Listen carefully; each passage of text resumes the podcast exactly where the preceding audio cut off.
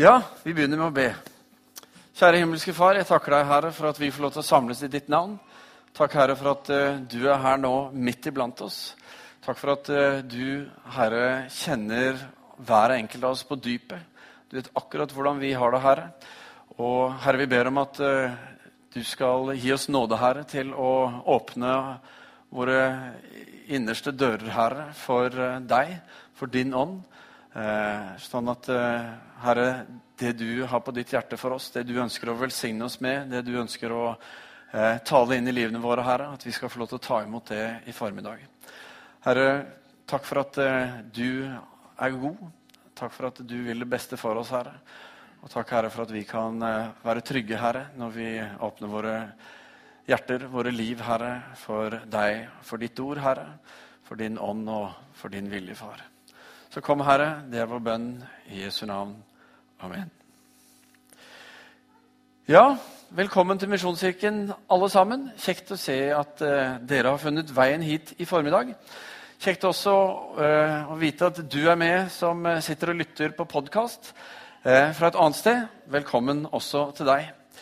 Vi har nå begynt forrige søndag med en ny prekenserie som skal gå denne sommeren. og Den heter Værmeldinger. Og det er nemlig sånn at I Bibelen så finnes det en rekke oppfordringer til oss om eh, hva vi skal være. Vær glad, vær ydmyk, som Alexander talte om forrige søndag. Eh, vær ikke redd, som engelen sier til eh, Maria f.eks. Og så er det mange, mange slike. Og de skal vi boltre oss i denne sommeren. Og det er nemlig sånn at Når Gud får plass i eh, livet vårt, eller når vi lurer på om vi skal la Gud få plass i livet vårt, så handler det om å gi Gud verdi. Det handler om å åpne oss for det han har, inn i våre liv. Og jo større verdi vi gir Gud, altså jo større plass vi gir han inn i livet vårt, jo større preg får han ha eh, på det verdigrunnlaget som vi legger for livet vårt. Han får lov å være med å påvirke, og ideelt sett så er han med og setter standarden for oss. Fordi verdiene våre de sier noe om oss, sier noe om hvem er det vi vil være. Og, eh, så når vi leser Bibelen, som er Guds ord, og kommer til disse værmeldingene om hva vi skal være, så handler det om fra Guds side om hvordan han tenker eh, om våre liv. Og hvordan han oppfordrer oss til å være slik eller slik, eller ikke slik, for den saks skyld. Eh, nettopp for at vi skal få lov til å få del i det han har for oss. Så denne sommeren den bærer med seg noen utfordringer, så jeg håper du er eh, åpen for det. Sist søndag så snakket eh, som sagt, Alexander om det å være ydmyk. Og at én ting er det å være ydmyk oss mennesker imellom. Mens eh, en annen ting er det å være ydmyk overfor Gud. Som vi kanskje alltid tenker like mye på. Men det å sette Gud høyere enn seg selv er viktig. Fordi vi har så lett for å sette oss selv i førsteplass og regne med at Gud hører på oss og følger oss. Men eh, sett Gud først. Det er viktig. I dag skal vi snakke om eh, eh, temaet rettferdighet. Og utsagnet som, som, vi finner i Forkynnerne kapittel 7, der står det 'vær ikke altfor rettferdige'. Og vi skal lese teksten og sammenhengen hvor dette står. Forkynnerne 7, fra vers 15. Alt dette har jeg sett i mine flyktige levedager. Den rettferdige kan gå til grunne selv om han lever rettferdig og den urettferdige kan leve lenge på tross av sin ondskap. Vær ikke altfor rettferdig, og vis deg ikke for klok. Hvorfor vil du ødelegge deg selv? Vær ikke altfor urettferdig, og vær ikke en dåre. Hvorfor vil du dø før tiden? Best er det å holde fast ved det ene og heller ikke gi slipp på det andre. For den som frykter Gud, vil lykkes med begge deler. Visdom gjør en vismann sterkere enn ti mektige i byen. Det finnes ikke ett rettferdig menneske på jorden som bare gjør godt og aldri synder. Bry deg heller ikke om alt det som folk sier, ellers må du kanskje høre at din slave forbanner deg. Du vet jo i ditt hjerte at også du mang en gang har forbannet andre. Og Det er litt sammenhengen til dette utsagnet 'vær ikke altfor rettferdig'. Rettferdighet det er et, uh, veldig, noe som er veldig viktig for oss mennesker. Og vi er veldig raske til å reagere når vi opplever at noe urettferdig skjer, og særlig når det skjer mot oss. Jeg husker fra mine barndomsår, eh, når jeg og min storebror Øystein Når vi eh, fikk en brus på deling Hva vi ikke skjønne når vi var små? Vi fikk en brus på deling, og vi hadde hvert vårt glass. Og det skulle deles likt. Det var ganske møysommelig deling. Vi sto liksom på sida og kikka inn på disse glassene. Og det gikk fram og tilbake, og jo mindre brus det ble i den flaska, jo mindre ble det fordelt gang for gang. Og så kom vi til syvende og sist til det punktet liksom, hvor nå er det helt likt. Ikke sant? Nå er det rettferdig. Og om det skulle bli urettferdig, så var det sånn at vi visste jo hvem som eide glassene på forhånd. Fordi Øystein hadde Supermann-glasset, og jeg hadde Batman-glasset. ikke sant? Så det var, Derfor var det viktig at det ble helt riktig med en gang. Men så skjer jo det da, at når vi har fått det helt likt, så er det fremdeles en liten dråpe igjen i den flasken. Og så havnet den hos Supermann. Og da kan jeg love deg at Batman har aldri skreket og sutra så mye, verken før eller siden. Og Ingen annen superhelt heller. Dette var riv ruskende galt. Rettferdighetstanken om at alt skal behandles likt, den er veldig innebygd i oss mennesker. Og skal det gjøres forskjell, ja, så må det være en veldig god grunn for det. Et eksempel på en slik forskjell kan være at Supermann rett og slett trenger mer cola for å bli like sterk som Batman. Små brødre må lære det, men det føles aldri rettferdig for det. Men rettferdighet som prinsipp, at alle skal få det likt alle skal ha det like bra, er veldig bra. Men den største utfordringen som vi møter eh, med rettferdighet, det er at vi definerer rettferdigheten. Og så definerer vi rettferdigheten med utgangspunkt i oss selv veldig ofte. Eller våre rammer, hvordan ting er. Det handler veldig fort om min rettferdighet. Og Derfor blir rettferdighet, når den defineres av oss, veldig ofte urettferdig. Om ikke vi alltid ser det selv. Urettferdig fordi det er våre ønsker, våre krav, våre rammer som vi skaper rettferdighet med utgangspunkt i. Jeg tenker Hvis rettferdigheten lærte noe av Alexander forrige søndag, sånn at den var ydmyk, så hadde den en sjanse. Men det er ikke alltid at ydmykhet kommer inn i vår rettferdighetstanke. Som jeg tror de fleste av oss vet, så lever vi i en verden som er ekstremt urettferdig. Det sies at en fjerdedel av verdens befolkning, og vi er en del av den fjerdedelen, vi forbruker tre fjerdedeler av verdens ressurser. Som overlater en fjerdedel av verdens ressurser til de resterende tre fjerdedelene av jordens befolkning. Og det skal ikke mye kunnskap om matematikk og deler for å se at dette er ganske gærent. Men det som på en måte er enda mer interessant i forhold til akkurat den problematikken der, det er at vi, den fjerdedelen som forbruker så mye, i vår rettferdighetssans så tenker vi at de andre, få, altså de andre tre fjerdedelene de må få det sånn som oss. Da blir det bra. Og det betyr, altså Konsekvensen av det er jo at hele verden skal forbruke seks fjerdedeler av verdens ressurser. Altså 50% mer enn det verden klarer å produsere av ressurser, skal verden forbruke. Det er vår rettferdighetstanke til syvende og sist. Det betyr bare at det går ikke. Det er ikke bra, og det funker ikke. I en verden som vi lever i i dag, den verden vi lever i, har aldri hatt bedre rammer og muligheter for å gjøre noe med verdens urettferdighet. Til å skape balanse globalt. Men allikevel ser vi at urettferdigheten fortsetter. Vi ser at fattigdomstallene de stiger. Vi ser at forskjellene blir bare enda større. Og sagt enkelt så handler jo dette om at de som, har, eh, de som kan gjøre noe med det, er ikke villige til å endre på sin egen rettferdighetsstandard. Man beholder standarden som man har, fordi sånn vi har det, sånn mener vi at sånn burde alle få lov å ha det. Og så eh, håper vi at de andre kan få det like bra som oss. Vi får til noen tiltak. Vi eh, legger noen hundrelapper i eh, TV-aksjonsbøssa når den kommer på døren. Vi ser på TV-aksjonen på TV og syns at det er leit at andre har det sånn, og håper at de skal få det like bra som oss. Men dessverre så er det sånn at min rettferdighet den handler om meg og mitt til syvende og sist. Og derfor så blir det urettferdig. Nå ble kanskje dette plutselig en veldig ubehagelig tale. Og det kan jo fort oppleves urettferdig. Men saken er den at rettferdighet er bare rettferdighet når alle behandles likt. Og det lar seg bare gjøre eh, i begrensede miljø, i begrensede perioder av gangen. Og så er det lett å påpeke global urettferdighet. Men du skal ikke lenger enn i nabolaget ditt for å se at det er stor urettferdighet i Norge i dag. Selv vi som er kanskje det rikeste landet i verden, som har det best i manges øyne.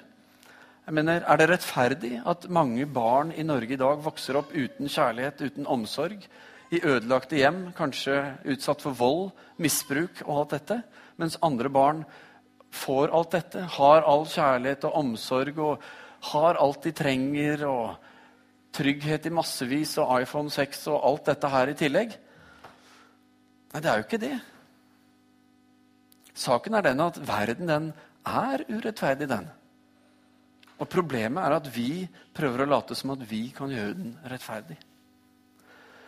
Som vi leste fra Forkynneren, så er egentlig verden urettferdig. Rettferdige går til grunne, og urettferdige lever lenge, sa Forkynneren. Og rettferdighet misforstå meg rett, altså rettferdighet er et veldig viktig og bra ideal som vi skal strekke oss etter. Men når den er basert på oss, når det er vi som definerer den, så ender vi fort opp i en situasjon hvor vi bommer på målet. Eller som forkynneren sa det eh, i verset vårt altså at vi ødelegger oss selv. Rett og slett fordi vi kan ikke rettferdiggjøre oss selv. Bibelen snakker mye om rettferdighet. Et ord som dukker opp igjen og igjen. Eh, men det som Bibelen også da gjør, og som særlig i det tekstavsnittet som vi har lest i dag, viser jo at eh, rettferdigheten har en svakhet, og det er meg. Min rettferdighet. Derfor hjelper det ikke å være altfor rettferdig. Altså være rettferdig til lovens punkt og prikke uansett i alt. Så Jesus han vender fokuset vårt mot Gud når det er snakk om rettferdighet. Og når han i bergprekenen i Matteus 6 sier 'søk først Guds rike og hans rettferdighet', så skal dere få alt det andre i tillegg. Vår rettferdighet handler ofte om å sikre alt det andre i tillegg. Ikke sant? Men han sier 'søk først Guds rike og hans rettferdighet'. Fordi Guds rettferdighet den tar nemlig utgangspunkt i noe som er felles for alle mennesker. Uansett hvor mye eller lite vi har, uansett hvor i verden vi bor, eller hvilken familie vi er født inn i, eller hvilken situasjon vi er i. Og det Guds rettferdighet gjør, er å ta et utgangspunkt i at vi lever i en syndig verden. Vi lever i en fallen natur. Vi klarer ikke selv å rettferdiggjøre oss. Vi kommer til kort i egen kraft. Selv om det er mye vi får til, så er det også noe vi ikke får til. Og det viser oss at vi trenger noe utenfor oss selv. Vi trenger noen som kan hjelpe oss til å få tingene i rett orden. Paulus snakker om dette i Romerbrevet 3, hvor han sier fra vers, 20, fra vers 22 han sier, dette er Guds rettferdighet som gis ved troen på Jesus Kristus til alle som tror. Her er det ingen forskjell, for alle har syndet og mangler Guds herlighet. Men ufortjent og av Hans nåde blir de kjent rettferdige, frikjøpt i Kristus Jesus. Og Poenget er at dette er det bare Gud som kan gjøre for oss. Du og jeg kan ikke gå tilbake og gjøre dette.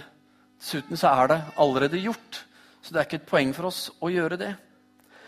Og Guds rettferdighet handler altså ikke om at alle skal ha like fint hus, like fin bil og like mye penger på eh, kontoen. Eller at eh, alle barna våre skal gå på like fine skoler og ha like flinke lærere.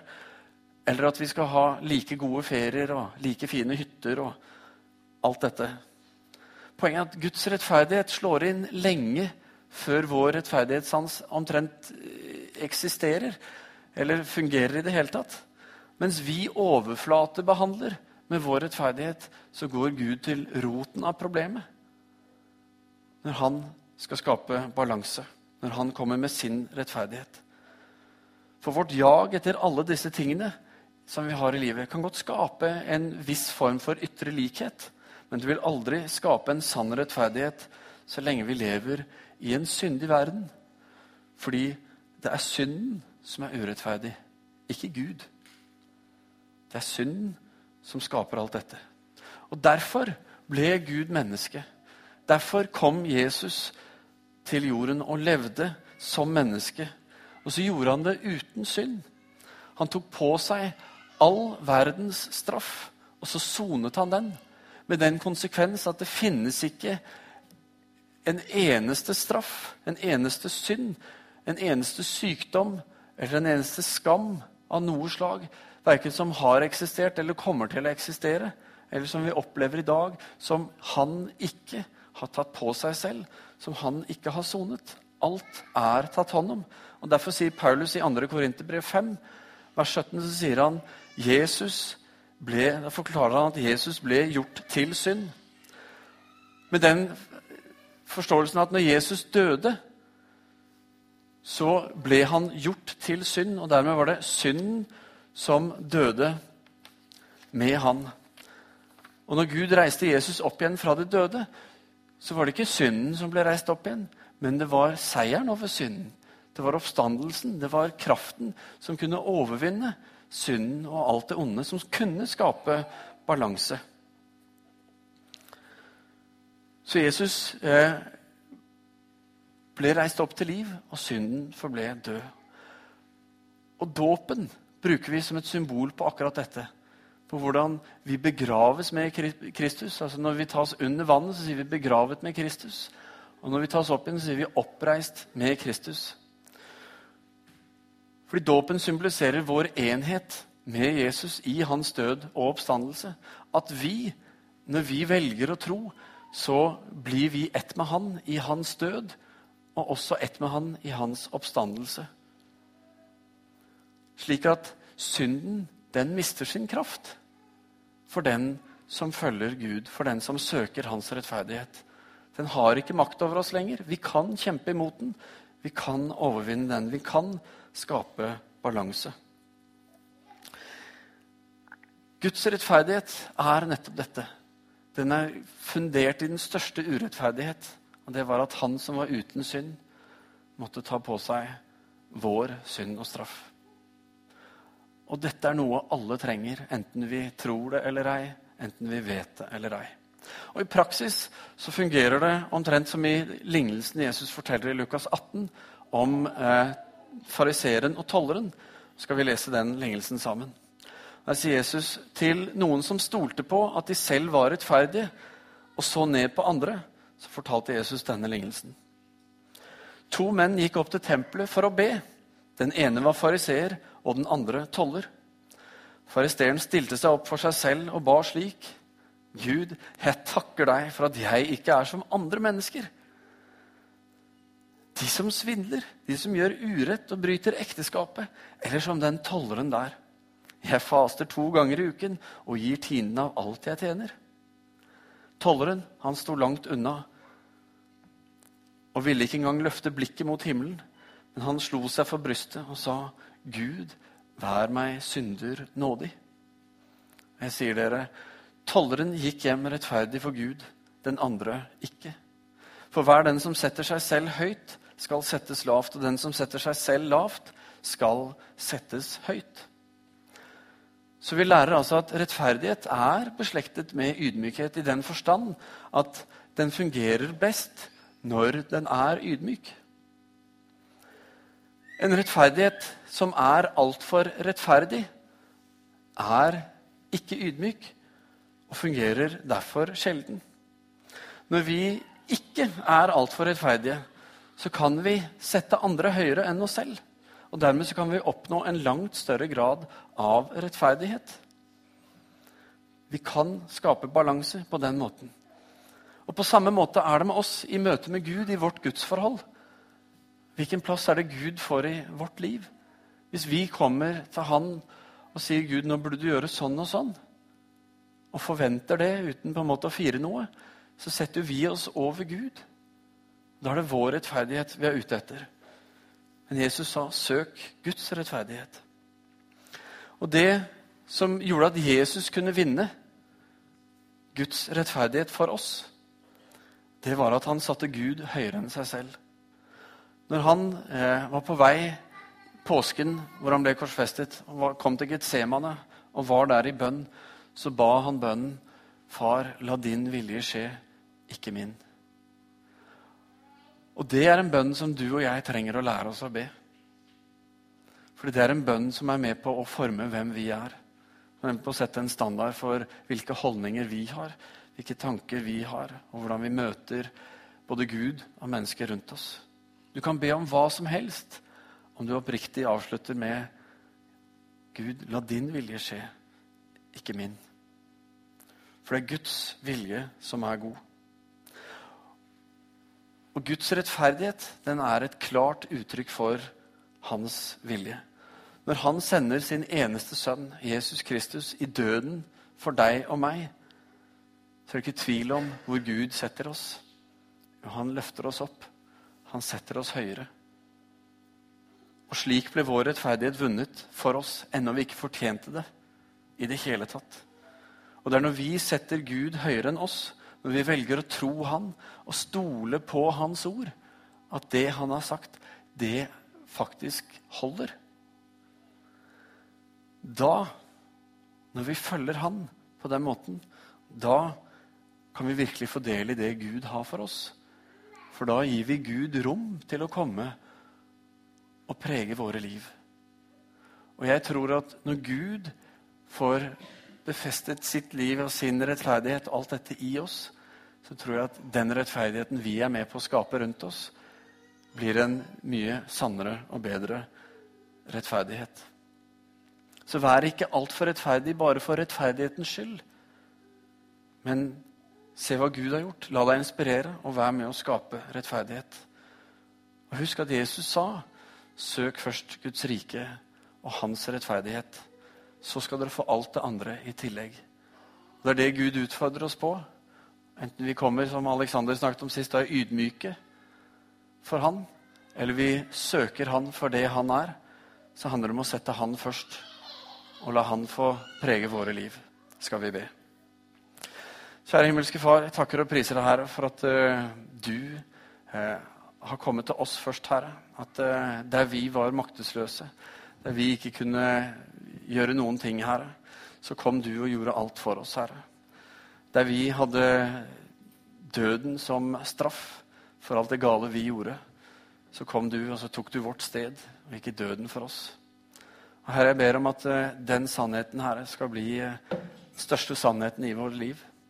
For det er den som skiller oss, skiller mellom evig liv og evig fortapelse. Det at du gikk i døden for oss, Herre. Det at du vant vår rettferdighet, Jesus, ved å ta på deg all vår synd, all vår sykdom, all vår straff. Herre, vi priser deg for det, og vi ber Herre at du skal bygge inn i oss ditt liv, Herre. Din sannhet, ditt liv. Slik at vi, Herre, kan få lov til å leve for deg, følge deg, Herre. Og få se at gjennom deg, Herre, så kan vi forandre verden. Så kan vi skape en rettferdighet, Herre, som eh, virkelig betyr noe i det livet du har satt oss inn i. Herre, tal til oss, rør ved oss, Herre. Herre, la din vilje skje. Det ber vi i Jesu navn. Amen.